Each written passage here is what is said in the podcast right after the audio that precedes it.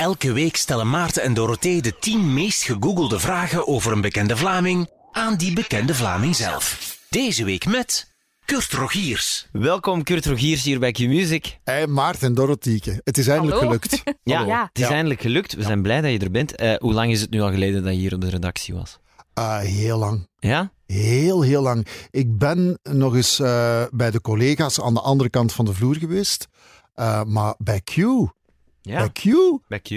eh, ja, geïnterviewd natuurlijk wel een paar keer door jullie en door de mensen van de ochtend. Maar echt in deze studio, dat is van de laatste keer dat ik hier was.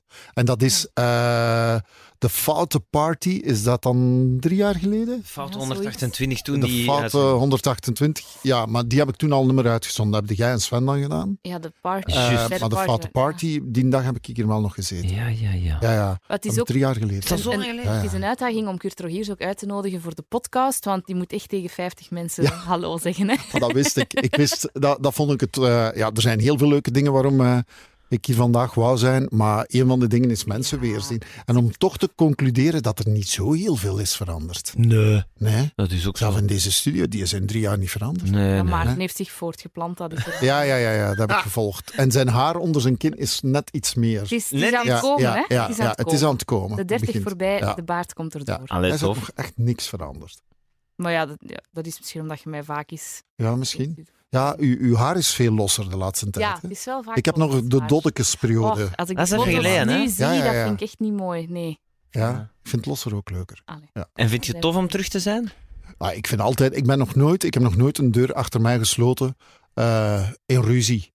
Eh, omdat ik ook, ik vind dat ik altijd wel een beslissing heb genomen, eh, een beetje gesproken tegen mezelf, en dan een beslissing heb genomen. Het was mijn keuze om eh, het radioverhaal te sluiten en vond dat eigenlijk alleen maar heel fijn. Dat je dan hier kunt weggaan en met heel veel fijne herinneringen daaraan kunt eh, terugdenken. En dan is het ook heel fijn om terug te zijn. Is. Ik heb op een of andere manier ook zo het gevoel dat dat toch voorlopig is.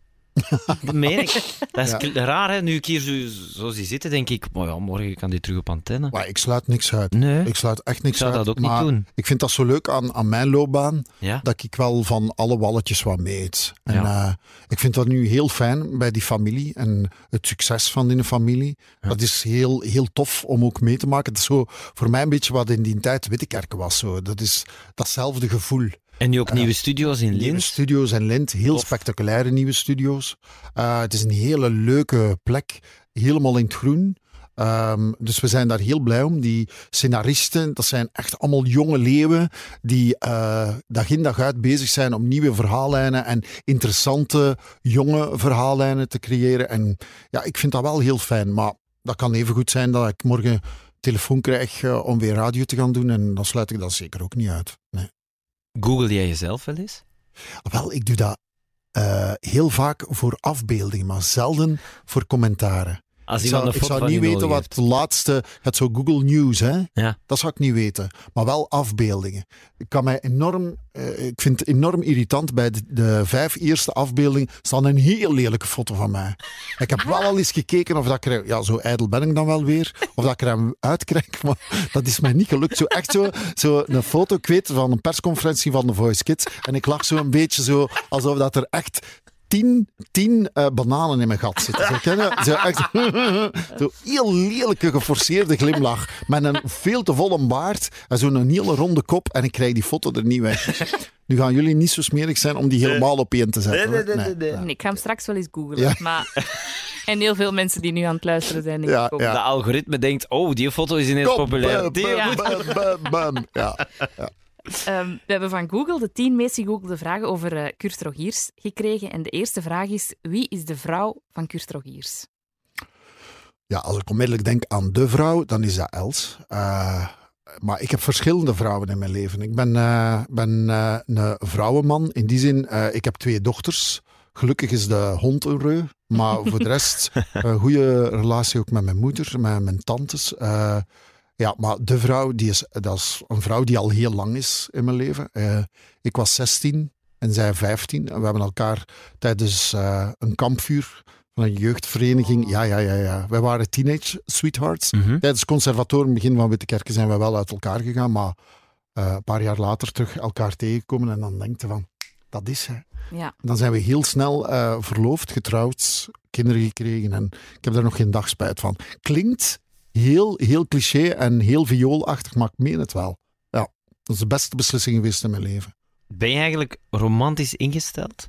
Verras je haar soms eens? Of, eh? Ja, ik ben wel een attentvolle man, denk ik. Eh, ik, probeer, ja, ik denk wel dat ik, eh, als ik mij vergelijk met mijn vrienden, ben ik wel romantisch. Ik hou wel van de romantische sfeer, van gezelligheid. haard aan en kaarsen en toestanden. Ja, ik, ik word allergisch van TL-licht. Ja. Dus ik, eh, ja, en, en ook eh, dingen met z'n tweeën doen eh, vind ik echt heel belangrijk. En, en ik zoek het wel op, ja. Ja, ik beschouw me zeer romantisch zelfs. Maar ook niet Ja. makkelijk, want je hebt soms echt een heel druk schema. Hè? Mhm. Is dat Mhm. dan ook echt actief tijd vrijmaken in de agenda? Zo van dan Ja. tijd voor het gezin? Ik ben bang dat, dat er heel veel clichés nu in dit gesprek gaan passeren, maar dat is er ook een. Je mocht, daar, je mocht dat niet voorbereiden, vind ik, romantiek. Het is, het is goed om een sfeer te creëren, maar niks zegt dat als ze thuiskomt en heel viesgezind is, dat Ja. die sfeer ook blijft. Dus eh, soms kan roman, romantiek er ook ineens zijn. En dat kan, dat kan perfect zijn na een regenbui en dan zijt je, hebt een wandeling gedaan en je had gehoopt een leuke roman, romantische wandeling op strand en dan zijn die helemaal uitgeregend. Dan denkt de weg romantiek, weggespoeld, letterlijk. En dan kom je thuis en dan zie je elkaar daar zo over, eh, overbegoten staan. En dan kan dat eigenlijk op een heel vreemde manier ook wel heel romantisch zijn. Ja, ja, Ja. ik snap het. Is het, eh denk je, moeilijk om de vrouw van Kurt Rogiers te zijn als heel veel andere vrouwen waarschijnlijk ook in u geïnteresseerd zijn? Want dat is denk ik wel dat je doorheen de jaren komt, misschien ook door uw rollen of uw Mhm. tv-werk. Dat, hoe zeg je dat in één woord? Dat Kurt Rogiers wel iemand is waar heel veel vrouwen, denk ik... Ja, hè. Gewomaniseerd. Ja. Ja, pas op, dan zegt het iets over u, hè, womanizer. Misschien ook Ja. door de rollen die Ja, aangeboden net, worden. Ja. Ik vind dat een hele eh, goede vraag in die zin dat ik eh, vijf jaar geleden zou gezegd hebben van ja, het is gemakkelijk om de vrouw van Kurt Rogiers te zijn, want doordat ik eh, twintig jaar eh, in het vak zit en eigenlijk nog geen dag heb thuisgezeten, eh, hebben wij toch een heel mooi leven. Wij zijn niet rijk, maar wij kunnen reizen, wij kunnen onze kinderen geven alles wat we willen. We hebben een heel leuk huis, wij rijden allebei met een goede auto. Eh, maar dat is zo dat hele eh, kapitalistisch ingestelde antwoord. Terwijl ik soms nu wel denk, de laatste jaren van Mai, die heeft zo in die afgelopen twintig jaar het toch wel te verduren gehad. En dan niet eens omdat ik eh, op televisie vaak zoen met andere vrouwen of bij vrouwen vaak in de belangstelling kom Mhm. te staan. Wat ik heel hard vond en vind nog altijd, is dat eigenlijk is, is mijn vrouw een heel, en dat is het meest leuke wat ik aan haar vind, dat is een hele intelligente, maar een hele gewone vrouw. Jullie kennen haar. Mhm, ja. Eh, dat is eh, geen babe. Ik vind ze natuurlijk wel een babe, maar niet echt de, de hele klassieke vorm van babe. En daar heeft hij heel veel mee af te rekenen gehad. Eh, het is echt letterlijk gebeurd dat wij op een feest stonden en toen waren we nog, nog pril samen, wel al getrouwd denk ik. En dat een andere vrouw tegen, tegen mij zegt, dat meende niet hè. Is ze dat? Is dat uw vrouw? Amai, terwijl als zij erbij staat. Hè. Jij kunt toch echt veel beter krijgen. Jesus Christ, wat is dat? Op de VRT is er, ja, op de VRT is dat programma geweest waar, hoe heet het dan nu weer, waar mensen naar televisie zaten kijken. Ah, ja. Eh, weet je, gaat is, zo... is dat Hallo Televisie? Hallo televisie. Ja. Is dat hallo televisie? Of, Maar ja. we weten denk ik... Ja, we weten hè, zo, En wij kijken zitten en op, zonder voorbereiden zitten wij gewoon, kinderen lagen in bed, naar tv te kijken. En ineens was dat het fragment van Valkuil. En dat begint zo met eh, de tune Je t'aime moi non plus, waar ik in slow motion zo naar mensen kijk, dus tijdens Valkuil, tijdens die quiz. En dan krijg je commentaar. En dat begint eigenlijk wel leuk. Zo de klassiekers van, ah, het is toch een mooie man en is nu wel grijs geworden. en dan komen we ineens, ik zie ze nog altijd voor mij, ik hoop dat die mevrouw eh, naar deze podcast luistert. Een blonde mevrouw met een dochter en een zoon in de zetel rond het Antwerpse. En die, Ah, ik weet zelfs wie je bedoelt, want ik heb daar soms ook stukjes van Ja, gezien. ja. Die is ook voor mij. Ja, en die zegt gewoon, terwijl op een hele alledaagse eh, eh, weekdag, terwijl ik ook gewoon van een werkdag wil bekomen, zegt hij, maar jong, en die is zo'n lelijke vrouw. Zo'n lelijke vrouw. Mij zou die wel kunnen krijgen, maar ja, is heel trouw, hè. Maar ho, die een lelijke vrouw. Zoek het op, je vindt het nog, hè, want het is een eh, fragment dat Oh, heel lang, heel hoog erg. bij YouTube heeft gestaan. Heel Ja. erg. En Els, die is dan gelukkig zo intelligent dat hij daarmee begint te lachen. Dat hij zoiets heeft, ja, bitte. Want Els heeft dan vooral zoiets van, ja, dat is, dat is vooral niet mooi van de VRT en van die producent, dat ze Klopt. dit daarin laten. Hè? We, we weten allemaal dat Dat is mensen... ook niet op ra- waar, hè? Nee, het is niet waar. ik, maar vind- nee, ik wil nee, in een nieuwe vrouw beginnen, maar allee, het is toch een schoon vrouw. ik vind dat ook wel een schoonvrouw, maar daar gaat het ook niet om. Nee, nee. Als, als de Voilà. vraag is van... eh, Nee, het gaat over is het VRT. gemakkelijk, te, oh, gemakkelijk te- eh, om, om de vrouw van Kurt te zijn, dan denk ik op zo'n momenten is dat toch wel even slikken. En dan moet u zelf... En daarom dat, gelukkig is zij intelligent genoeg en heeft zij intellectueel genoeg bagage om dat te zetten. En ik denk dat hij daar haar slaap niet voor laat. Terwijl ik bijvoorbeeld dat veel erger vind. En vooral nu, nu begint dat zo naar de dochters te komen. Zo. Dat vind ik wel... Dat, dat raakt me nog meer. Als, als daar opmerkingen komen, want zo, dat is wikken en wegen. Als je, als je nu met mijn dochters op televisie komt, ben ik heel trots op mijn kinderen. Ehm, maar het is wel wikken en wegen, om, want ik had laatst een foto op Instagram gezet. En mijn oudste dochter is 13. En dat is, eh, hoe zal ik het zeggen, dat is een onwaarschijnlijk mooi kind. Maar dat is een stevige. Dat heeft ze van de kant van Els. Els is dat zelf niet, maar Els haar mama en zo. Dat zijn prachtige vrouwen. Maar dat zijn geen, eh, die kunnen niet door een, eh, hoe noem dat, een sleutel gaan trekken. Zo. ja. ja. en daar werd ineens een opmerking op Lola gemaakt. En dan denk ik, oei, daar ga ik dus in de toekomst zwaar rekening mee moeten houden. Dus het is eigenlijk ook niet gemakkelijk om de kinderen van Kurt Rogiers te zijn. Nee, dat, dat brengt ons eigenlijk ook wel vanzelf bij de tweede vraag. Ehm, hoe heten de kinderen van Kurt Rogiers? Mijn eh, oudste dochter, die is 13 geworden, die heet Lola. Die heeft zelf hier een item gehad op Ja. eh, Ah, Hallo met Lola. Hallo met Lola, Ja. hier nog op Q-Music. En eh, mijn jongste dochter is eh, 10 en die heet Merlijn. Ja. En die lijkt eigenlijk eh, in alles het meest op mij. Lola is meer haar mama. Heel rustig. Heel, heel niet berekend klink- klinkt een beetje vies, maar, maar eh, afwachtend. Terwijl, ja, Merlijn is eh, springend veld. Fantasie op en top. Zij komen nu inderdaad op de leeftijd van... Allee, het zijn natuurlijk altijd personen op zich en mijn eigen meningen en eigen... Hè. Maar nu beginnen ze zich misschien ook bewust te worden van het effect van op Instagram staan en in Ja. een boekje staan. Praat je daar dan over met hen? Van, je vindt het toch nog tof om Ja. met papa op de foto te staan? Of... Ja, meer nog, eh, we zitten nu zo in een fase en dat is heel speciaal. Dat, eh, ze is naar het Humaniora gegaan, naar de middelbare school. Oh, ja. En eh, dat is natuurlijk een volledige nieuwe scene. En daar heeft ze zich gerealiseerd dat zij inderdaad dochter van is. En zij heeft nu vriendinnetjes. Ze was laatst, had ze, was dus haar verjaardag en een familie, en ze had een verjaardagsfeestje. En een van die vriendinnen hoor ik zeggen, ja, soms wordt mij verweten dat ik goed bevriend ben met u, omdat jij dochter zijt van.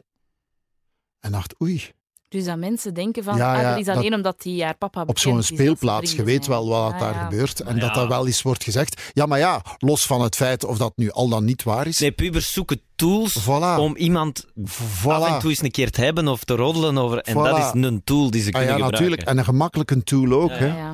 Eh, Als ze pissig zijn op iemand en Ja. ze zien die dan met je dochter, zeggen ze, oh, die is er toch maar gewoon Ja. bevriend mee om dat. voilà, Of voilà. dat nu waar is of niet, is gewoon een tool om ze te kunnen pakken. Ja. En wat we net hadden over de moeder, krijgt Lola nu ook te horen. Ja, van uw vader die zit wel veel aan, aan, andere, aan andere vrouwen, hè, mannen. Aan andere vrouwen. Hè. En hoe, en hoe, en hoe. Ja, en dan moet dat kind van 13 toch ook ergens in volle puberteit kunnen plaatsen. Dat lukt dan wel. Ja, we praten er, om eh, te antwoorden op je vraag, Ja. we praten daar heel vaak over. Zij zit ook op eh, Instagram. Eh, ja, Musical.ly, dat is helemaal de leeftijd Ja. van Musical.ly natuurlijk. En wij, wij zien dat passeren. Wij hebben daar nog, nog onze zeggenschappen over. En voorlopig vindt ze dat ook nog oké. Ehm, maar ja, dat is, je, zult, je hebt nog kleine kinderen, maar je zult dat merken. Op een bepaald moment gaat dat in een stroomversnelling en moet je bijna zelf op de rem gaan staan en ja, afspraken maken van kijk, als je nu studeert, is dat zonder eh, iPhone. Maar ja, er staat wel een computer natuurlijk op haar kamer. Dus eh, dat is een hele... Ik snap dat dat voor die nieuwe generatie kinderen en ook ouders, waar ik toch zelf ben, eh, heel verwarrend is allemaal. ja. Maar ja, dat hoort je vaak. hè. Ja, tuurlijk, het is, het is wat er de laatste twintig jaar gebeurd is. Ja. Op dat vlak, dat is bijna even belangrijk als de uitvinding van het wiel. Hè? Ja, wel ja, ja. maar dat is zo, hè? Ja, ik, ja, die Alles. digitale revolutie, en Ja. die is nog lang niet voorbij. Hè? Ja. En ik vind ook, want kinderen van deze leeftijd, die hebben niet alleen die digitale revolutie, ook die ecologische revolutie, die er helemaal zit aan te komen, die, die zich enorm zullen moeten gaan realiseren dat we er echt iets aan moeten gaan doen. Ik bedoel, ook jullie generatie is nog een beetje opgevoed met pff, Hè, ja, we rijden vaak met een auto en we vliegen Oh, vaak. en- ja. Hè? Maar niet mijn Gilles Peters die om de, om, het, eh, om de week in de nieuwsstudio zit te zeggen van ja, er is weer eh, een gletsjer goed aan het smelten en er is weer eh, een ijsberg eh, Ja, ja. losgekomen. Dus, dus ja, ook, ook daar. Ik vind dat, ik vind dat voor jonge kinderen allemaal wel pittig wat erop en afkomt. Zijn zij als eh, zussen van elkaar goed bevriend? Voorlopig wel. En dat is, eh, me vroeg, eh, laatst vroeg een journalist aan mij, wat is uw grootste angst? En eh, mijn grootste angst op dit moment is dat, ik, is dat zij geen liefde meer voor elkaar zouden voelen en dat ze met hele vervelende vriendjes afkomen. dat doet zich tot dit moment nog altijd niet voor. Maar ik, wij zijn zo een cluster Ja. met z'n vijven, ook met een hond erbij. En dan wij gaan zo graag op vakantie. Wij doen heel graag nog steeds dingen met z'n vieren, vijven. En als er daar nu ineens van die eikeltjes aan bij komen, dat, dit is, ja, En ze vrouw komen eraan, daarmee uit. Ja, die komen eraan. Allee, laat ons hopen dat het geen eikels zijn, maar oeh, nee, nee, dat is zo, dat is, ik vind dat echt heel vies, die gedachte. Ja, je hebt een zoon, hè. Zet daar blij om. Ja, maar in november heb ik ook een dochter en ik voel Ja. het zelfs al. Het is nog niet geboren. Dus ik Ja, dat is pittig. kan En- het mij En, voorstellen. en hoe bedoelt je dan dat het minder erg is als een zoon met een meisje thuis Ja, dat zo precies wel. Tuurlijk wel. Ja, wij weten als mannen tot waar wij in staat zijn, denk ik. Misschien Voor een wel, ja. jullie zijn. Ja, ja, ja. ja. Zo, allee, dat is toch wel een pittige als je zo weet dat dat... Hmm. Ze is nu 13, ja, dat er over nu en vier jaar toch wel een gastje eh, met zijn brommerke voor uw, uw deur staat en die dan naar Wow. boven glipt. En Dan dan, wel een dan gaat hebben. die deur van die slaapkamer toe en dan Ah. denkt hij... Wat zijn ze aan het doen? Wat zijn ze aan het doen? Ik haat brommers. Dus als een Ik brommer haat zet- brommers. Ah, ik vind het verschrikkelijk. Maar ik haatte dat al als ik 16 Tegen mijn kinderen is, het- zeg ik altijd, dat is het verboden woordje. Het, je moet dat tegen Leon ook zeggen. Brommer. Haat. Ah, haat. Nog nooit het woordje. Haat is Oh, het, ver- het verboden woordje. De, de, ik, ik ben, dat is een bond zonder naam in mij. Hè. De wereld wordt schoner gelijk. als we het woord haat. Dat zijn mijn Ba- moeder ook altijd. Stop met het woord haten gebruiken. Weet Ah, je wel. wat dat wil zeggen? Tegen Leon moeten zeggen: haat is het verboden woordje. En nu zeggen ze natuurlijk thuis: ik heb een hekel. Papa, ik heb een hekel aan spaghetti. Ja, want ik heb nu zelf geen kinderen, maar ik kan me ook wel voorstellen dat mama's ook wel iets hebben bij een zoon dan. Ja. Dan komt hij misschien met zo'n bitch thuis, hè, waar ik niet Oh, meer overheen ja, kom. ja, ja, ja. Omgekeerd ook wel eens, hoor. Ja, dat is, dat is, nog, dat is even erg eigenlijk. Dat is even erg, hè. Ja. tante vrouw of zo. Ja, maar we hebben, allemaal, we hebben allemaal familie en broers en zussen. En je hoopt toch eigenlijk dat die schoonfamilie, de koude kant, dan ze De zeggen. koude kant, ja. ja, dat dat ook allemaal. Dat ze in ons kanten zeggen Ja, ze de dat. Ik koude ken Ja, ik heb Hannah, nog nooit de gehoord. koude Ja, kant. en de Nee. koude kant aan de zijkant, dan kunnen die eraf knippen hè, als het gedaan is. Maar je weet wel onmiddellijk wat de koude kant betekent. Ja, ik, hè? ik weet wat je bedoelt. Ah, Ja. wel, je hebt dat heel veel bij begrafenissen. Als ze zeggen, ja, dat is een onkel. En was dat langs de koude kant? Ah, nog nooit dat gehoord was- zo. Ja, ja, ja. Allee, jong. Ja. De koude kant. Kijk, toch iets geleerd. Ja. Absoluut. Derde vraag. Waar is Kurt Rogiers geboren? Ik ben geboren in Zelen. Dat ligt naast Dendermonde, waar ik nog altijd woon. eh, in 1971. En ik ben daar in het ziekenhuis geboren. En dat kon een jaar na mij niet meer. Dus eh, toen is alles naar Lokeren gegaan. Dus eh, ik ben daar, ben daar wel trots op. Ik ben ook een kind van de streek. Ik raak daar op een of andere manier niet weg. Ik heb me al vaak afgevraagd, allee, maar waarom ben ik eigenlijk niet in het Gentse gaan wonen? Of hè, niet, niet waar Koen Wouters nu woont, want dat kan ik niet betalen. Maar, maar voor de rest dat zou het wel handig zijn. Mijn vrouw geeft les in Gent en zo. Maar ja, ik blijf toch een kind van de streek. Ja. En van waar is Els? Want dat weet ik eigenlijk niet. Een straat, die wonen in een straat van mij. Ja, wij wonen echt, onze ouders, die wonen op nog geen kilometer van elkaar. Ja, ja logisch natuurlijk Ja. als jullie elkaar op school hebben Heel leren kennen. Maar ja. Oh ja, Ja. Kurt, was dat je dan in Gent gewoon? Als je zo'n netwerk hebt. eh, Ja, thuis. ja, maar ja, dat netwerk, nu dat de kinderen groter zijn, Ja. ja, jij zit nog heel vaak bij je ouders met de maxicosis, maar dat gaat op een bepaald moment stopt dat ook eens, hoor. Ja. En dan is het eigenlijk, het is heel merkwaardig hoe, hoe een kind, dat, dat is echt een evolutie voor een gezin ook. Nu, nu willen die heel dicht, nu zijn wij heel blij dat wij heel dicht bij academies wonen, bij sportzalen wonen. Zo dat, die, dat, bijvoorbeeld mijn zus, die woont heel ver van de school van haar kinderen. En wel, dat is een probleem dat zich nu stelt, omdat die kinderen willen natuurlijk heel vaak op de fiets springen en naar een vriendinnetje rijden. Ja, voor mijn zus kan dat niet. En bij ons kan dat wel. Want Lola en Merlijn die gaan echt in de buurt naar school. En dat is eigenlijk heel handig. Dat is Ja. een tip die ik u geef. Maak dat, dat uw kinderen echt in de buurt naar school kunnen. Want voordat je het weet, je zei god, ganse dagen met een auto aan het rijden. Ja, voor een kind is dat ook enorm, die afstanden inderdaad. hè. ja, ja, Dus eh, dat is waarom ik ook geloof dat als je gescheiden ouders hebt en die wonen twee straten ver, dat dat eigenlijk wel nog oké is. Ja. Het is pas als die een, een provincie verder gaan wonen, dan, eh, dan is dat dramatisch. hè. vooral voor het kind dan. hè. Voor een puber Ja, zeker, ja. hè. die Oh. zit daar dan. Hè. Ellende. Ja. Ja.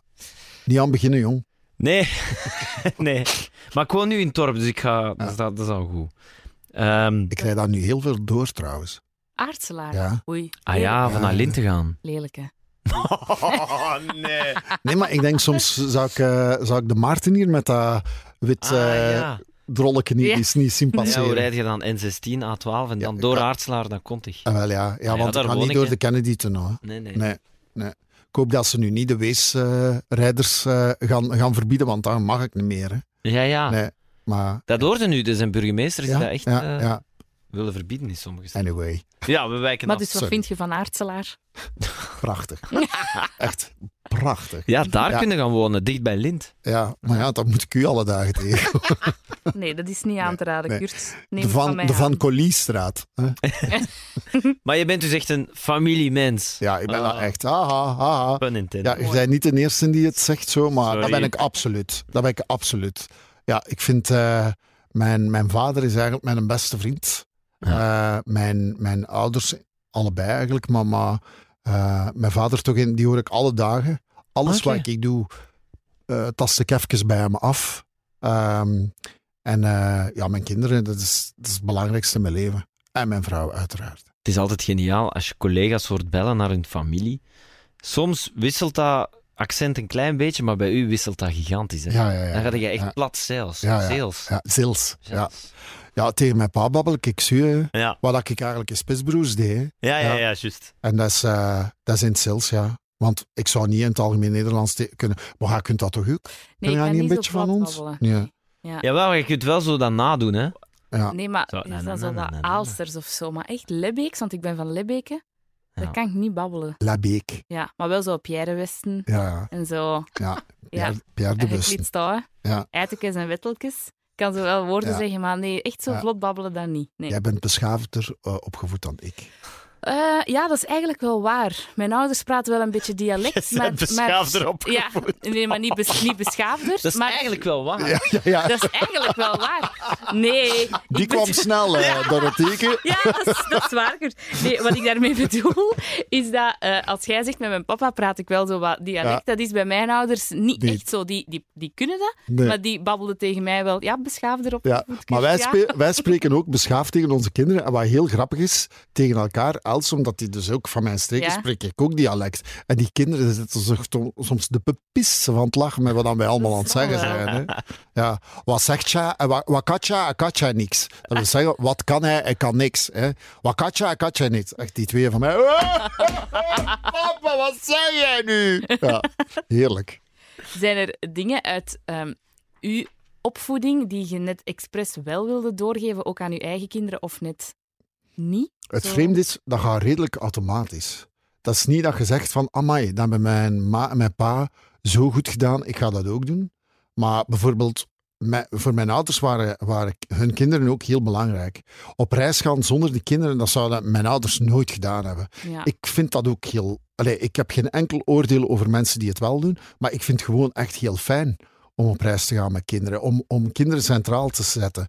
Eh, mijn va ik kon vroeger... Mijn vader die reed een heel weekend rond met mij naar de academie, mij naar de tekenschool, mij naar de toneelschool, mijn zus overal naar ballet, enzovoort, enzovoort. Ik en mijn vrouw doen eigenlijk constant hetzelfde.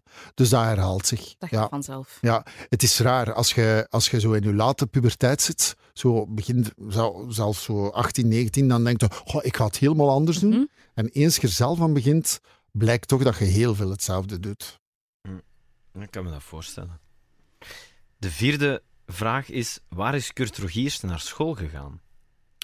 Zelen, vermoed ik. Ja, nee, Ah, heel vreemd. Eh, ik ben, ehm, ah, wel, tot mijn twaalfde lagere school wel. En op een bepaald moment had ik eh, een foldertje gezien liggen van een internaat. En ik ben naar huis gekomen en ik was twaalf. En ik zei tegen mijn moeder, ik wil op internaat. Mijn moeder in een postnatale depressie.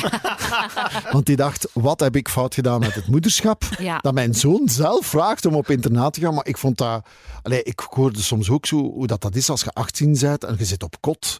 Dus alleen maar tussen je vrienden. Dus ik zag daar echt het ideaalbeeld. Nu moet ik wel zeggen, wij zijn dan eh, dat internaat gaan bezoeken in Gent. En eh, ik ben effectief vanaf mijn twaalfde in Gent naar het Sint-Paulus Instituut eh, op internaat gegaan. Ik vond dat heel tof. Ik vond dat echt heel tof. Ik kan mij nu niet voorstellen dat Lola nu een hele week zou weg zijn. Maar ja, je zit godganse dagen. Vroeger, we, we zagen dat te veel met vieze patertjes en eh, hele dagen in de kerk. Nu, wij zaten nog te veel in de kerk, maar geen vieze patertjes. En eigenlijk zat hij heel de tijd met, met je vrienden. Hè. Je, je voetbalde, je speelde toneel, eh je studeerde samen. Dus op een leeftijd dat je eigenlijk je ouders niet meer zo heel erg nodig hebt, zat ik op internaat en ik heb daar ook nog geen moment spijt van gehad. Oké. Ja.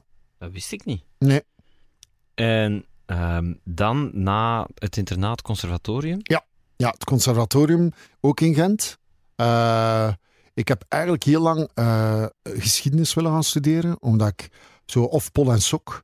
Eh, maar mijn moeder die zei, nee, nee, nee, nee, nee. Ga jij maar naar, de- bij ons was dat echt het omgekeerde. Ga jij maar naar de toneelschool. Ja. Want vroeger, jij gaat toch eindigen als acteur. Nee, nee, dat gaat mij anders te veel geld kosten, want dan ga je nog vier jaar gaan studeren om dan uiteindelijk toch acteur te worden. Nee, nee, naar de toneelschool. Maar mama, ik wil ook wel eerst gaan studeren naar de toneelschool. Dat is echt Voilà. grappig, want dat is Ja. exact het omgekeerde van Bij de het meeste. cliché. Ja. Bij de meeste. Ja, hey, hey, we hebben een niet-cliché gevonden. Ja. ja. Ah, ja, dat Kijk. is wel goed. Allee, jong, en dan acteur. Dus dat was toen al, voor uw moeder was het duidelijk. En voor u dus nog niet. Nee, ik was eigenlijk redelijk onzeker, want ik vind zo, je, hebt dat toch altijd, dat je denkt, oké, de beste olie drijft boven, maar hoe schat u zelf in? Eh, en dat, on, dat onzeker bestaan van een acteur, ik vind dat nog altijd heftig hoor. Dat je eigenlijk nooit weet. Wij, hebben, wij zijn niet vast benoemd. Wij weten, ja, jullie ook niet. Dat is in het Nee. algemeen in de media. Dat kan morgen afgelopen zijn en dan. Hè. En, ehm, maar toen had ik op een bepaald moment gezien dat je daar ook les in kon geven. Dus dat was zo mijn, mijn Backup. Eh, Ja. Dat ik zoiets had van, kijk, ik ga dat doen. En ik ga wel mijn pedagogisch diploma ook halen. Van, mocht het echt niet lukken, ben ik echt zo slecht dat, ik, eh, dat ik dan nog les in kan geven. Ik heb dat ook een half jaar gedaan. Eh, ik ben afgestudeerd en dan heb ik nog mijn jaar pedagogie gedaan. En dan heb ik ook een half jaar in Ninove les gegeven. Ja, en vond dat eigenlijk heel leuk.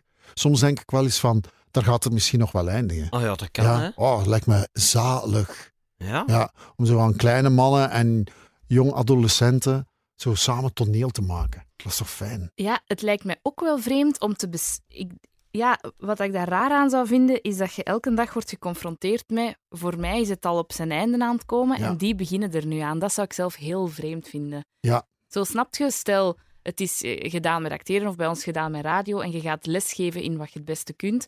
En dan komen daar 19-jarigen die nog moeten beginnen en dan denkt je... hmm, ja, voor mij is het eigenlijk zo al wat gedaan. Ik, dat is iets heel raar, denk ik, om Maar elke dat dag is mee iets, dat is iets waar dat jullie nu nog niet in zitten, maar dat gaat eigenlijk ineens heel snel. Eh, ik sta nu dagdagelijks op de set met een gast die nog niet geboren was toen dat ik Wittekerken al aan het doen was. Dat is heel vreemd. Ja. Dat hebben jullie nu nog niet, hè? Maar je gaat dat zien op een bepaald moment. Ik, heb, dat, wel als eigenlijk met jullie. Ja, maar ik heb dat ook met jullie ondervonden zelf. Dat was heel vreemd. Dat, ik herinner het nog met, met u, met Ma- Maarten, dat, dat jij op een bepaald moment begon. Ja. En jij zei het van 1988. 88. Kijk jongen, dan, dan ben ik in 1988 ben ik aan het conservatorium begonnen.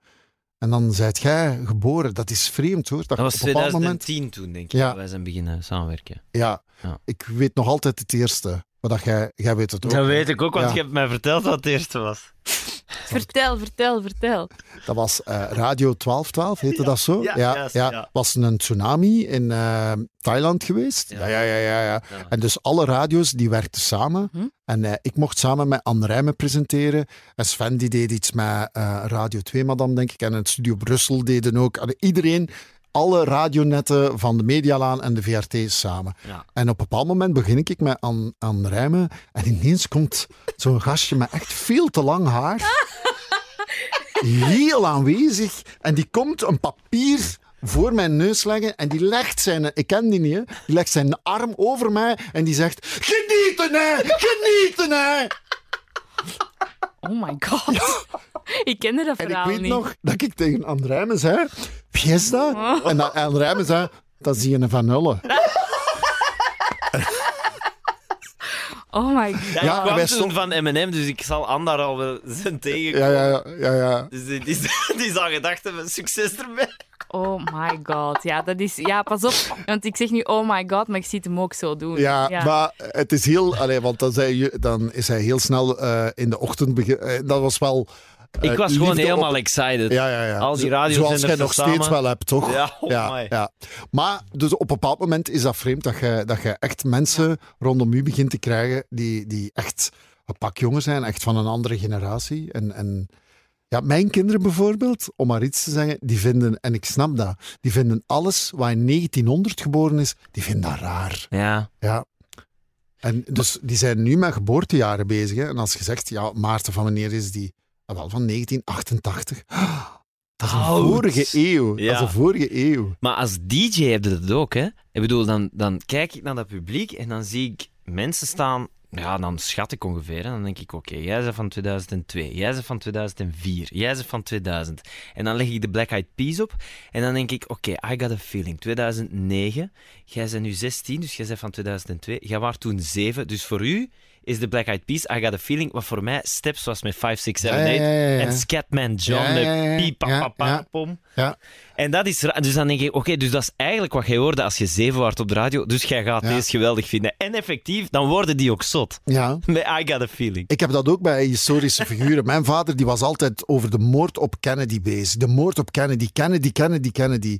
Wij zijn toch de generatie van Lady Di. En 9-11. En 9-11, dat, dat, interesse- allee, dat interesseert jonge adolescenten op dit moment geen hol. Hè? Maar ja, dat is... Ik heb neven van 16, 17, die hebben zoiets. Hoe de fuck is Lady Di? Ah ja. Ja, tuurlijk.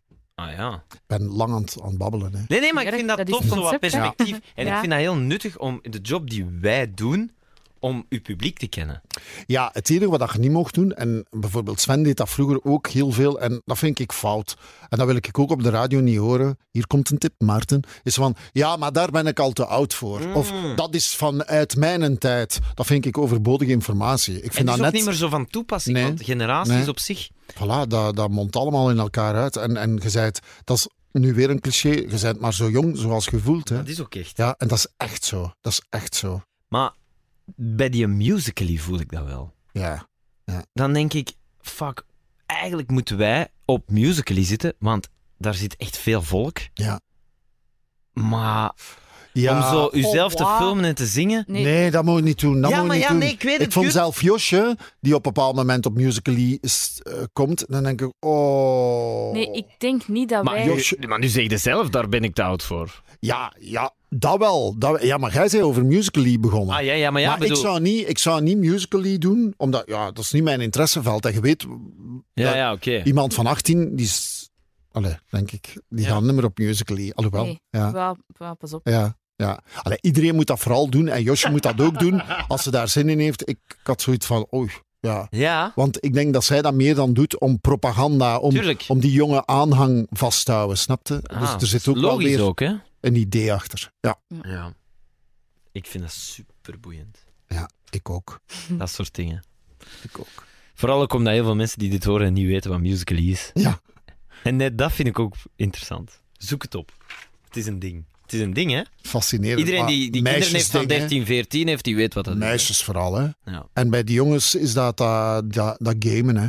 Ja. Ja. Ja. Ja. Dat, dat is iets... Ik maar heb gamen is dochters, groter dan gamen- muziek en film samen nu. hè? Ja, gamen dat gaat volledig voorbij. Ah, ja, ja. Omdat- Omdat dat zijn twee meisjes. Ja. Die zijn eigenlijk alleen maar bezig met YouTube en YouTube-sterren. En Dat is ook zoiets, hè. ja, die kunnen, die kunnen hysterisch worden als er ineens een meisje dat ik nog nooit heb gezien, twee seconden op tv is. Ah, ik, oh ja, wauw, wauw. Ik was laatst zo, zo, af en toe word ik dan ook uitgenodigd als influencer. Hè? Ja, ja. En eh dat Het is staat- zo jammer dat mensen er niet kunnen Ja, bijzien dat je zo aanhalingstekens, ja, influencer. En dan, dan, dan pak ik eh, mijn oudste dochter mee. En dan is hij ineens zo van... Dat is Lima! Dat is Lima! En niet nooit van... Allee papa, Lima, Lima! Ik zeg, ja, oké, oké, ja, Lima. En dan komt Sam de Bruin, die komt daar. Ik zeg, dat is Sam de Bruin. Ja, ja, maar Lima! heel vreemd. Zot, hè? Dat is echt een wereld naast de voor ons realiteit, denk ik.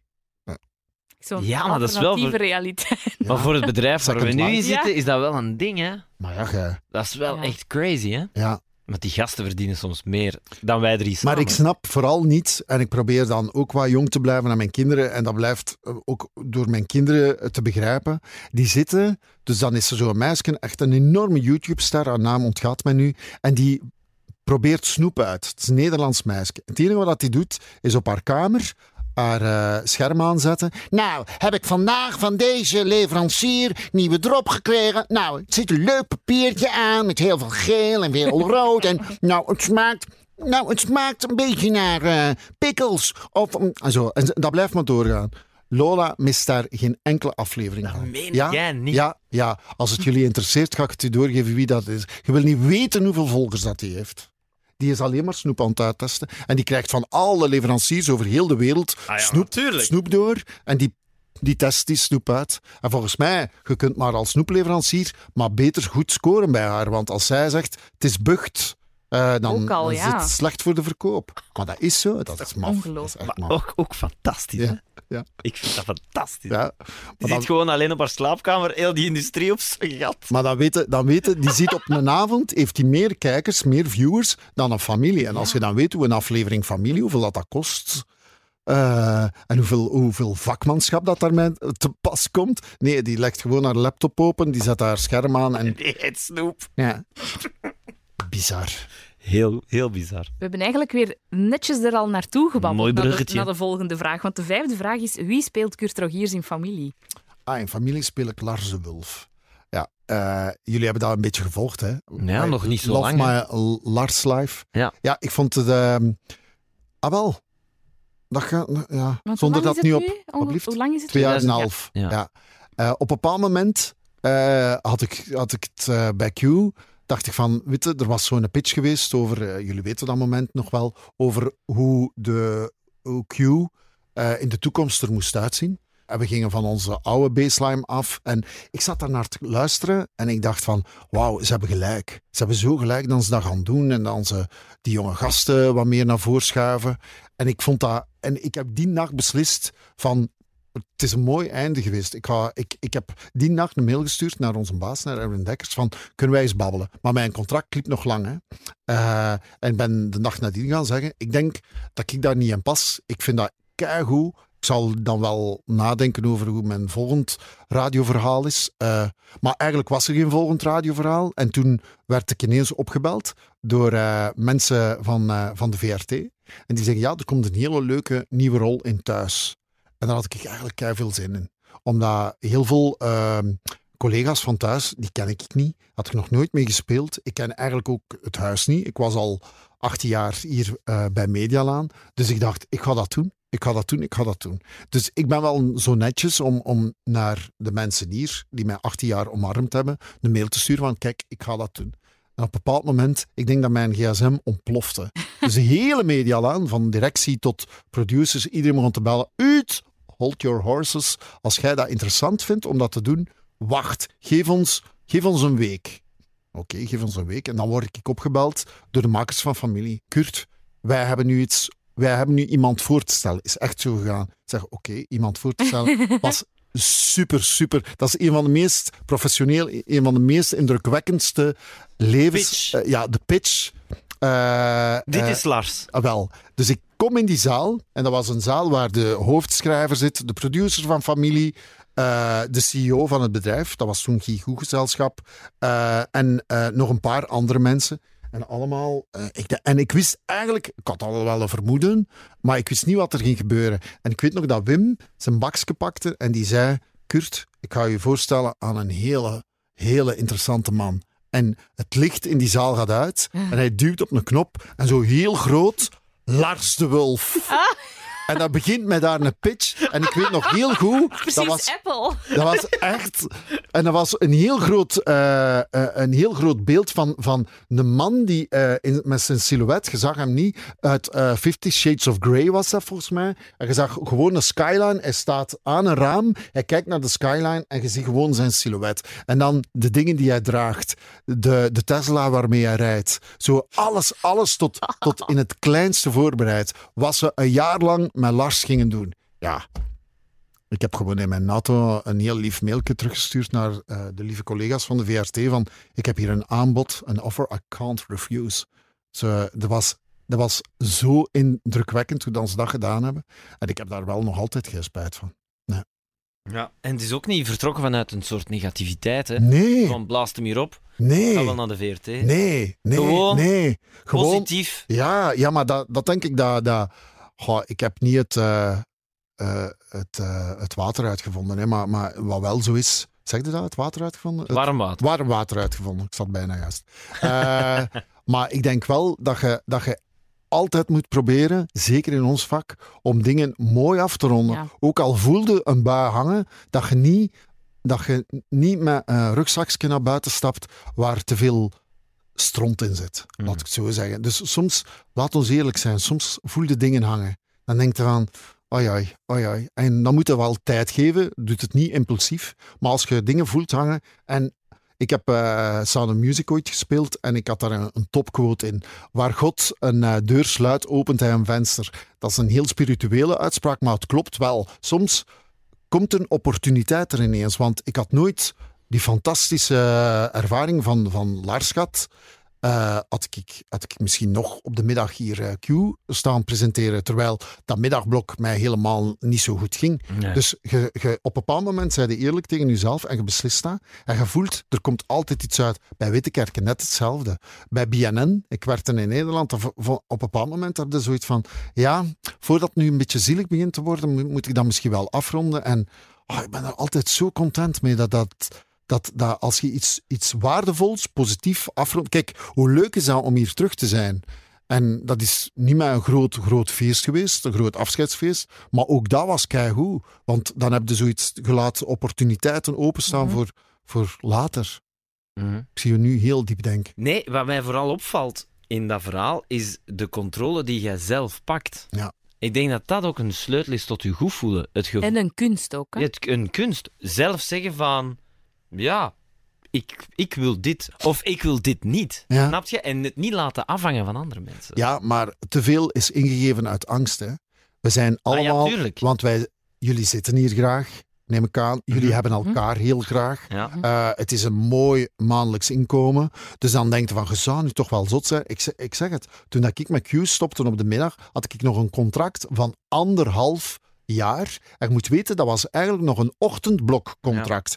En jullie hebben ook het ochtendblok gedaan. Dat zijn andere salarissen, dat zijn andere afspraken. Ja, dan is er beslist geweest van, zie je dat zitten om het middagblok te doen? Ja, en uw salaris blijft dus... Eigenlijk was ik een idioot dat ik dat anderhalf jaar niet heb uitgezeten papier, ja. op papier. Maar tegelijkertijd, ja, is dat echt een, een blessing geweest om dat toch te doen. Ja. Om, om, ja, Ja. Dat, inderdaad, ja, die controle, maar, maar ook, mocht, we zijn allemaal veel te, veel te bang.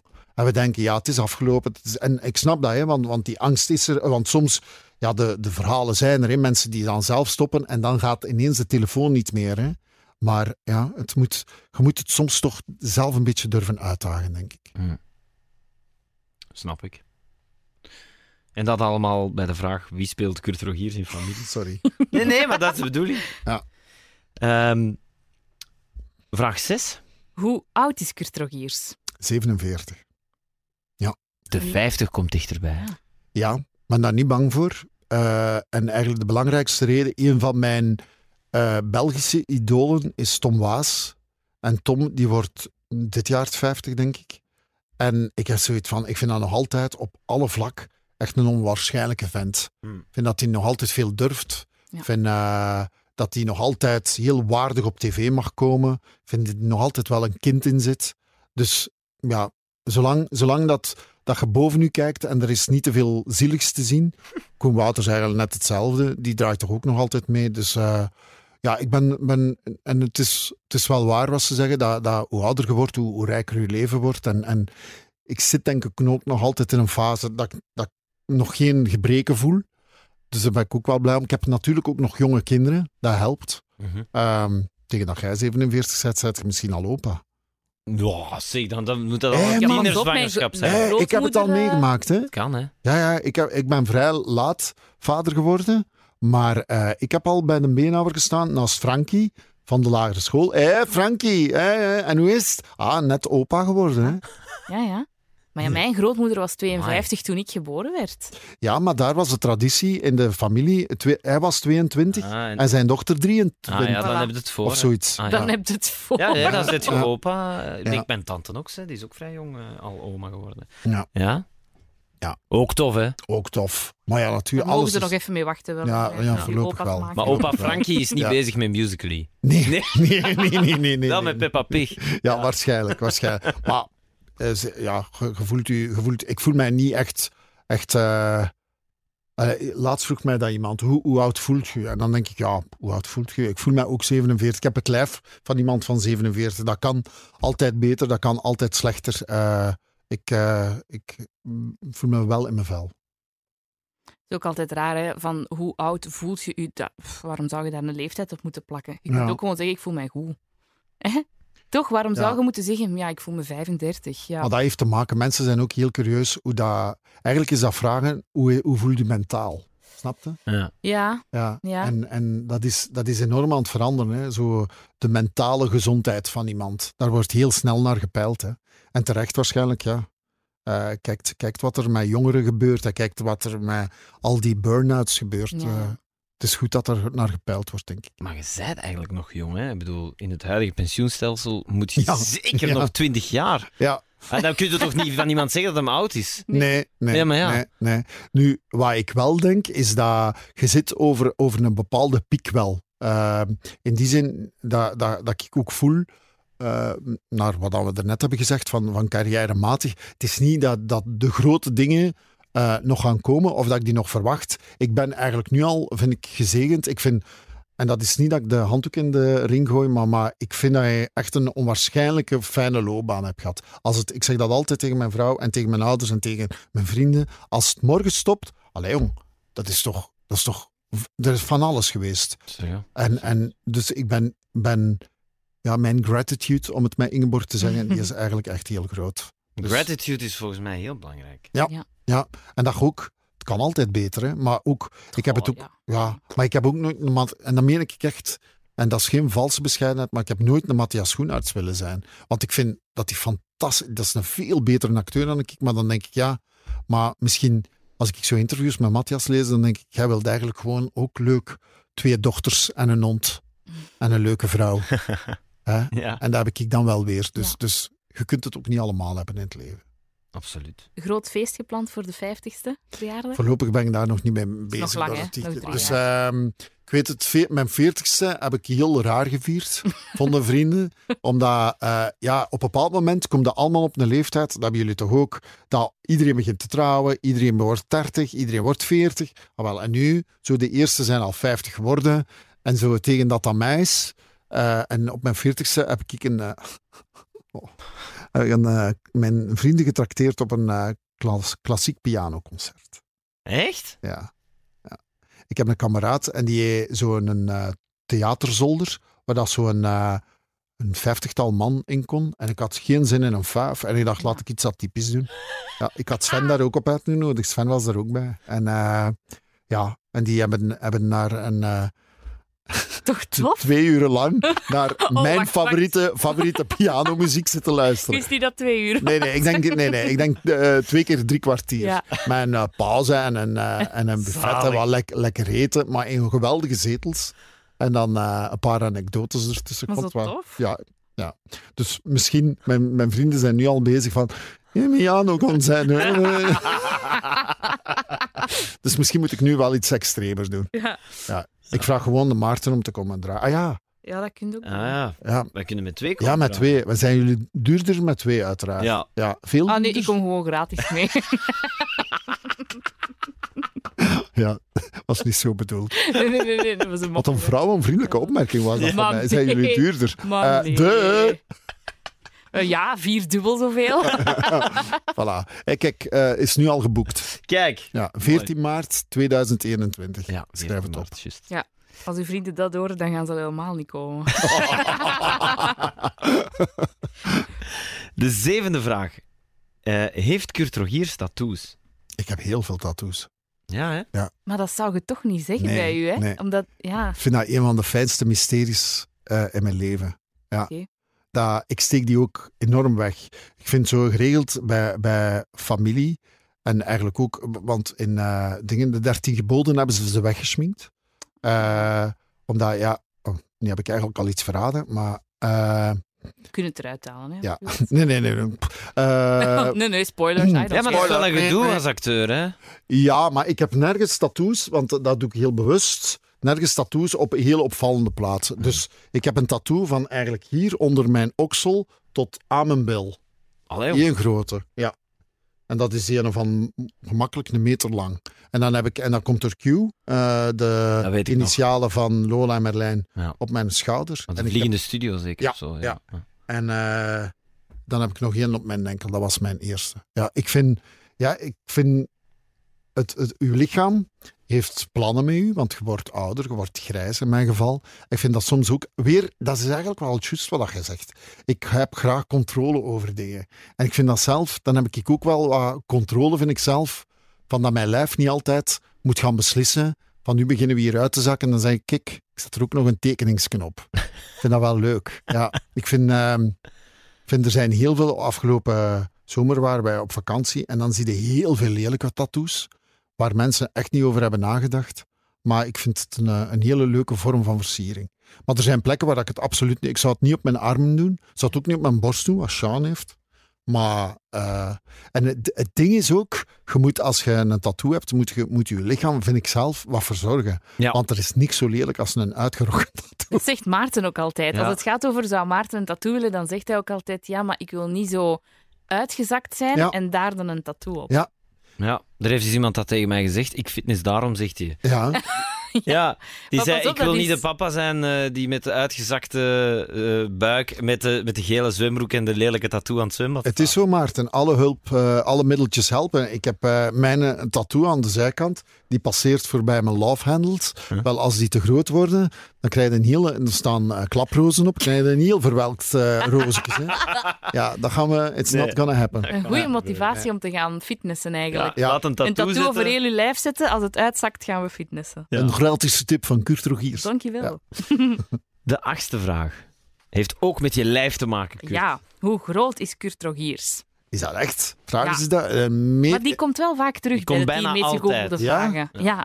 Ah ja, eh, ja, maar tegelijkertijd zoek ik dat zelf ook wel Ah, vaak voilà. op. Dat is juist. En ook dat komt vaak terug in de podcast. dat het als je, eerst is het even raar van, tja, waarom willen mensen Ja. dat weten? Maar dan realiseert je van, ja, je wilt dat ook wel weten. Wel ja, je zit dan ineens naar Game of Thrones te kijken Voilà. en je denkt van, maar hoe groot zou die zijn? Ja. Ik ben een meter 89,5. Ja. Mensen schrikken altijd van mijn grootte. Altijd.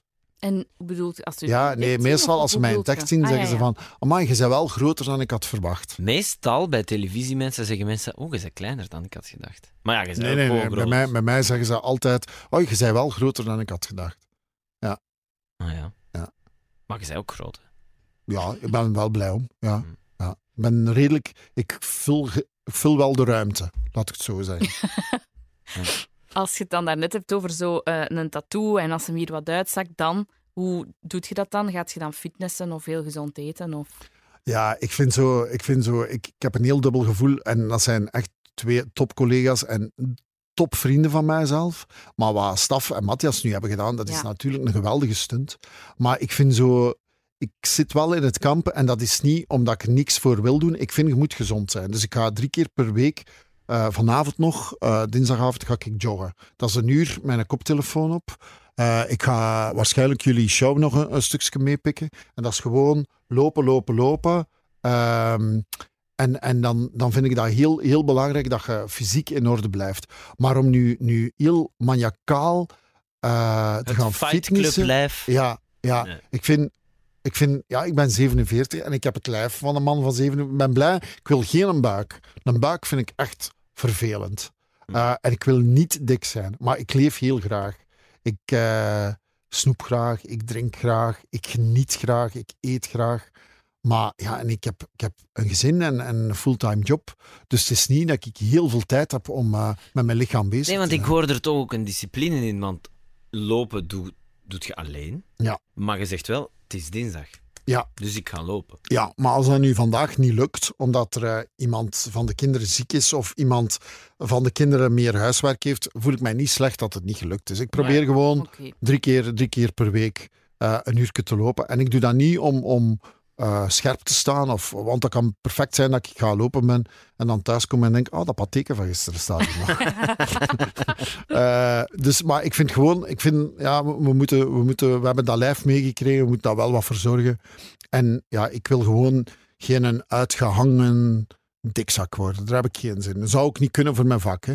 Uh, nee, dat is waar. uh, en dat is misschien een, een bepaalde vorm van ijdelheid, maar als het, als het dan dat maar is, dan vind ik dat ook wel belangrijk. Hmm, absoluut. De voorlaatste vraag. Ja. Zit Kurt Rogiers op Instagram? Ik Heb zit op Instagram. gehad? Ja, ik doe dat heel graag, Instagram. Ja, ik vind uh, Twitter doe ik graag. Uh, ik heb geen Facebook. Misschien ben ik een van de enigen. Ik heb wel een Facebook-account, maar die gebruik ik niet actief. Uh, maar ik vind Instagram, omdat op Instagram, dat zijn, uw leven is één fotoreportage. Ik vind dat wel tof. Uh, en nu ook met die stories. Ik gebruik ze alle twee voor twee aparte dingen. Stories zijn meer zo alledaagse gerelateerde dingen, meer met, met werk. En, en een post doe ik heel veel. Probeer, als ik dingen van mezelf post, pro, probeer ik heel veel van shoots of werkgerelateerde dingen of uh, van mijn gezin. Hmm. Uh, mijn kinderen, mijn hond, mijn vrouw.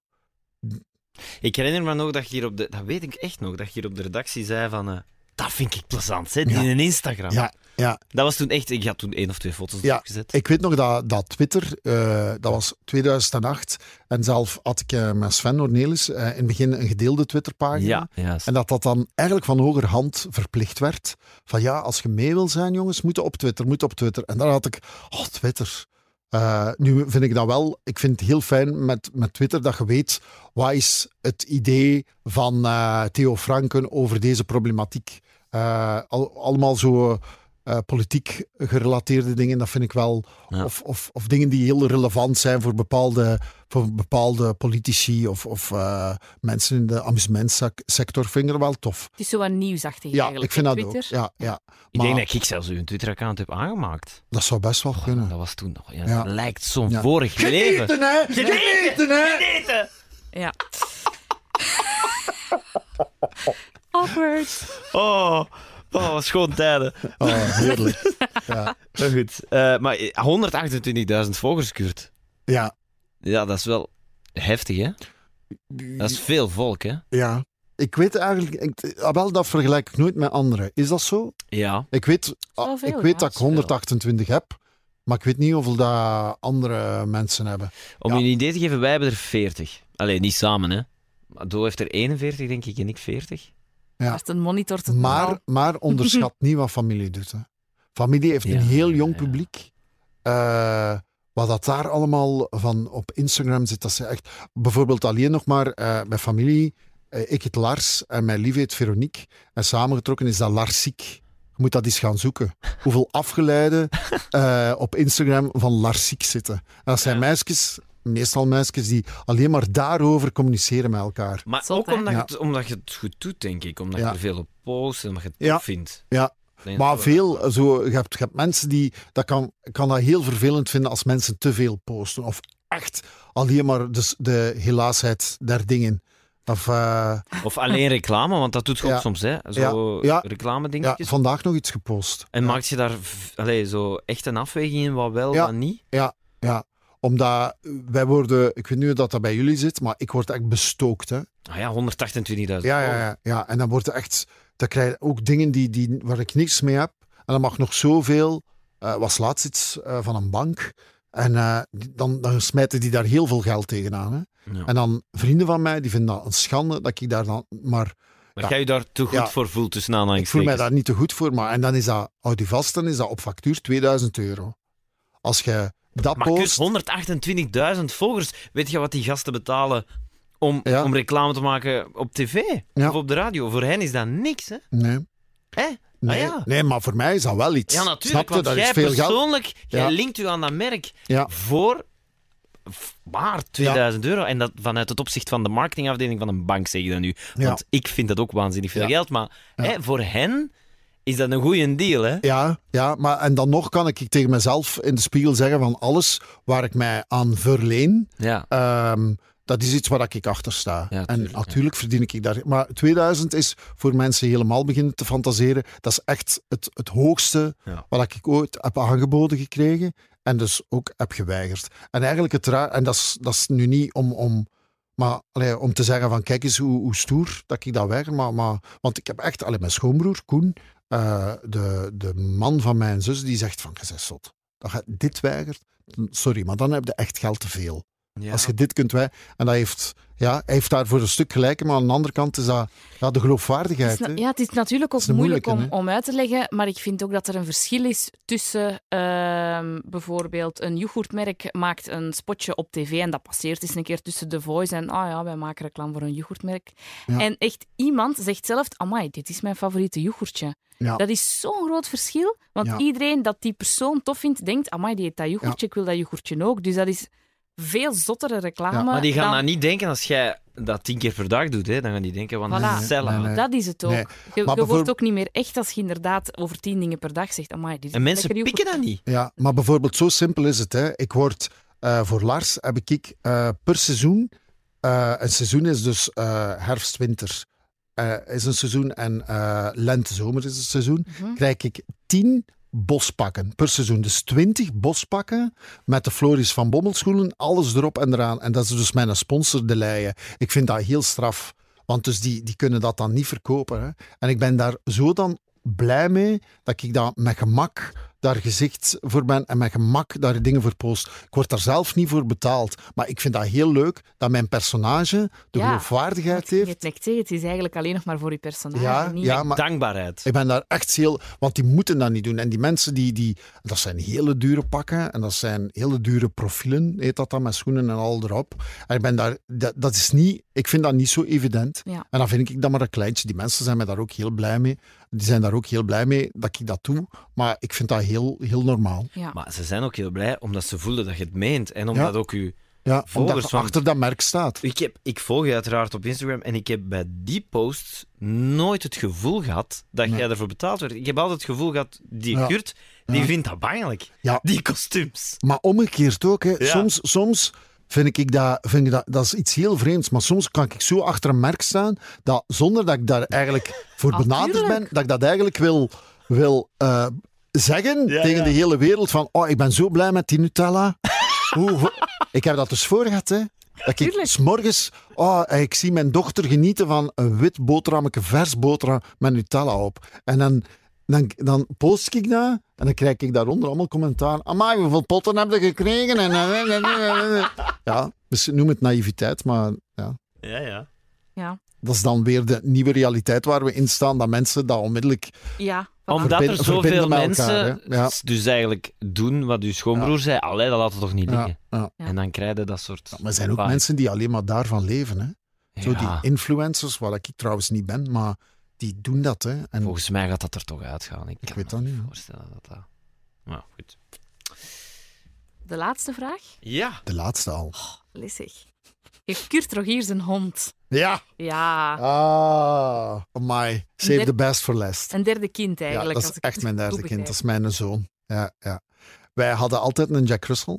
Eh, die is gestorven toen ik eh, radio deed. Ja, ik heb toen... Ik, heb, eh, ik weet, je werd er toen mottig van, je werd er ziek van, doodongelukkig. En ik heb dat nooit helemaal doorgehad, wat jij voelde, tot ik een hond heb gekocht. Meer nog, Maarten. Je hebt me dat zelf gezegd. Ik weet dat nog. Ik zie mij nog altijd zitten. Ik wil gaan aanduiden waar we zaten. Ja? En ik weet nog dat ik in een verdriet zat. Ik verwijt u dat trouwens Nee, niet. nee. Hè? Maar ik in dat verdriet zat. En ja, dat is zo een rouwproces. Hè? Als je geen hond hebt, kun je dat, of, of een kat, kun je Mhm. dat eigenlijk niet weten wat dat is.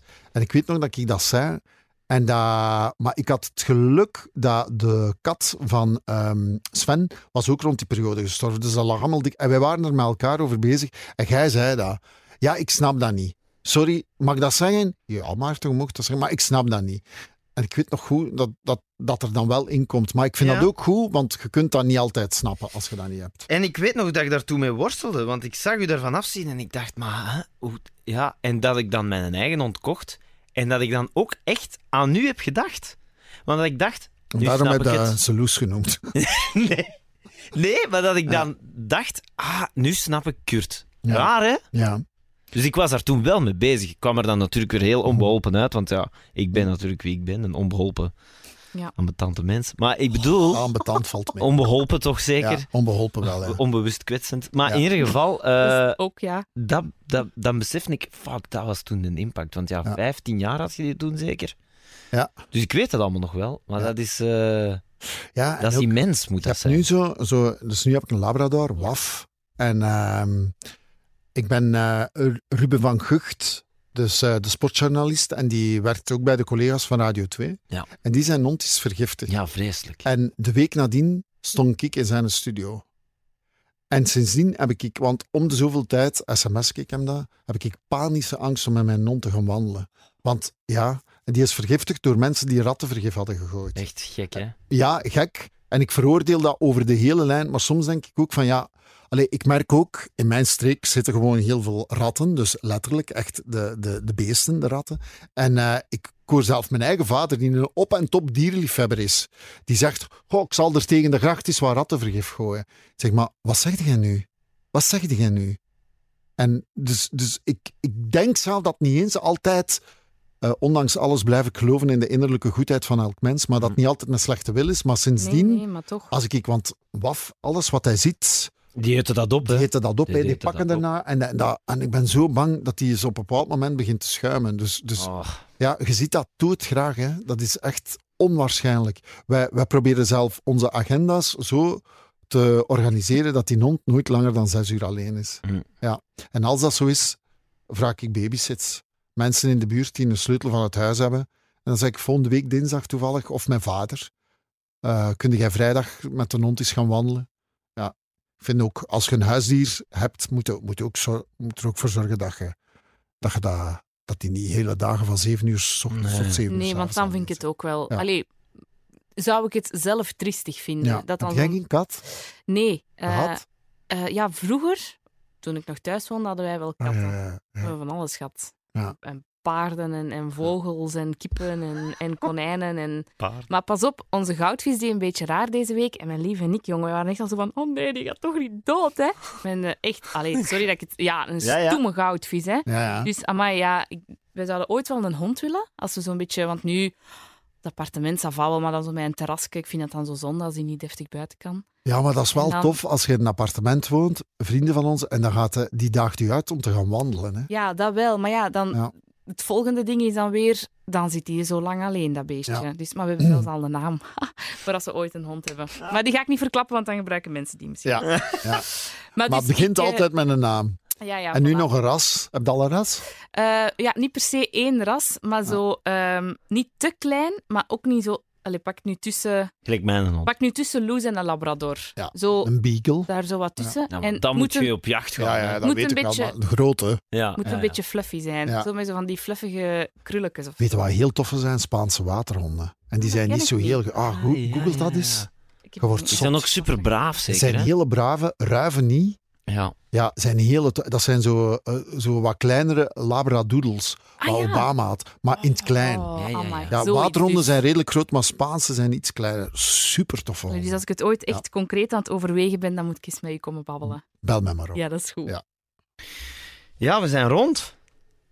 Moeten we meer doen. Ja. We moeten niet altijd met micro's bij. Hè. Nee, hè? Nee, nee, Nee. nee. Dat is zo raar. Dat je zo... Ik stop wel altijd, mm, als een verhaal stopt, dat ik denk, ja, maar dat zijn mensen die ik nog sowieso nog ga terugzien. Daar ben ik zeker van. Maar zelfs Sven, dat is meer dan een half jaar geleden, denk ik. Ja. Zo bij veel sms'en. Ja, dat heb ik naar jullie ook. ook. Mhm. Maar dan moet ik mezelf mee... Vind dat tof dat ik dat doe? Tuurlijk. Maar, ja, maar ik vind het, het, omgekeerde, het omgekeerde vind ik dan ook weer. Dat ik zo zou denken... Ja, die Kurt kent zoveel mensen. Heeft hij, heeft hij daar boodschap aan dat ik zeg, hoe is het nog? Snap oh, jawel, dat zou ik Ja, maar leuk snap je vinden. wat ik bedoel? Want op Ja. een duur kende misschien... Maar, ah, ik- ah, wel, maar ik- het gaat altijd van mijn richting naar jullie. Heb ik u gezegd dat ik Spitsbroers eh, top vond? Nee. Nee?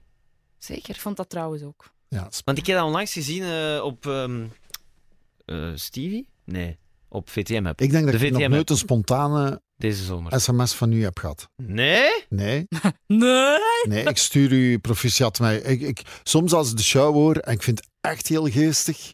eh, want van de week wou ik echt... eh, we, hebben jullie zo van, je zal het maar hebben. Dat koortje, nee, jawel. Ja, het Ah, kan kan altijd altijd erger. Erger.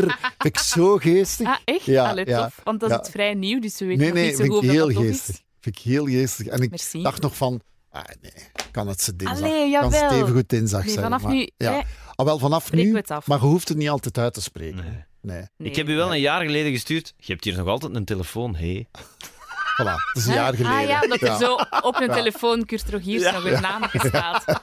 Ja, En dan goeie- denk ik, Ja, leuke informatie. Heb ik niets gestuurd van Spitsbroers? Hè? Nee, hebt hier nog dat altijd ik een een telefoon. telefoon. Ja. Bij deze, ik vond het top in Spitsbroers. Ja, ja. Ik vond trouwens, ik, jammer dat er zo- zo'n moeilijk een derde seizoen van komt. Want ook dat heb ik gecheckt bij Ja. Christophe Hoefkes. Ja, En die zei van iets van productiehuis. En dus hij is verhuisd van productiehuis, maar Ja. de rechten zit nog bij Tander. ja, en ook, en ook, en ik vind, ah, wel, ja en nee, omdat je moet op het goede moment eindigen. Ja. En eigenlijk hadden ze zoiets van, als eh, Oscar Willems, zijn personage, Ja. eh, de ene broer, die, allee, dan moeten we Champions League gaan spelen. Dan moet hij toch verkocht worden eh, Ja. Aan, aan een of andere internationale ploeg. Ja, en Ja. dat gaat niet. Hè. Of Eh, jij wordt aangenomen bij een ander ploeg en hij komt bij u spelen Ja. en... Ja. Enfin, ja. ja. Oké. Oké. Hey, tof idee. Ja, ja. Doen we. Enfin, Kurt, het was fantastisch. Dank u wel om langs te komen. En we ronden af met de afspraak dat we samen eens een pint gaan drinken. Ja, Heel dat is goed. Keigoed. Maar we zullen onze agenda eens open doen dan. Hè. Heel goed. Merci, Kurt. Graag gedaan.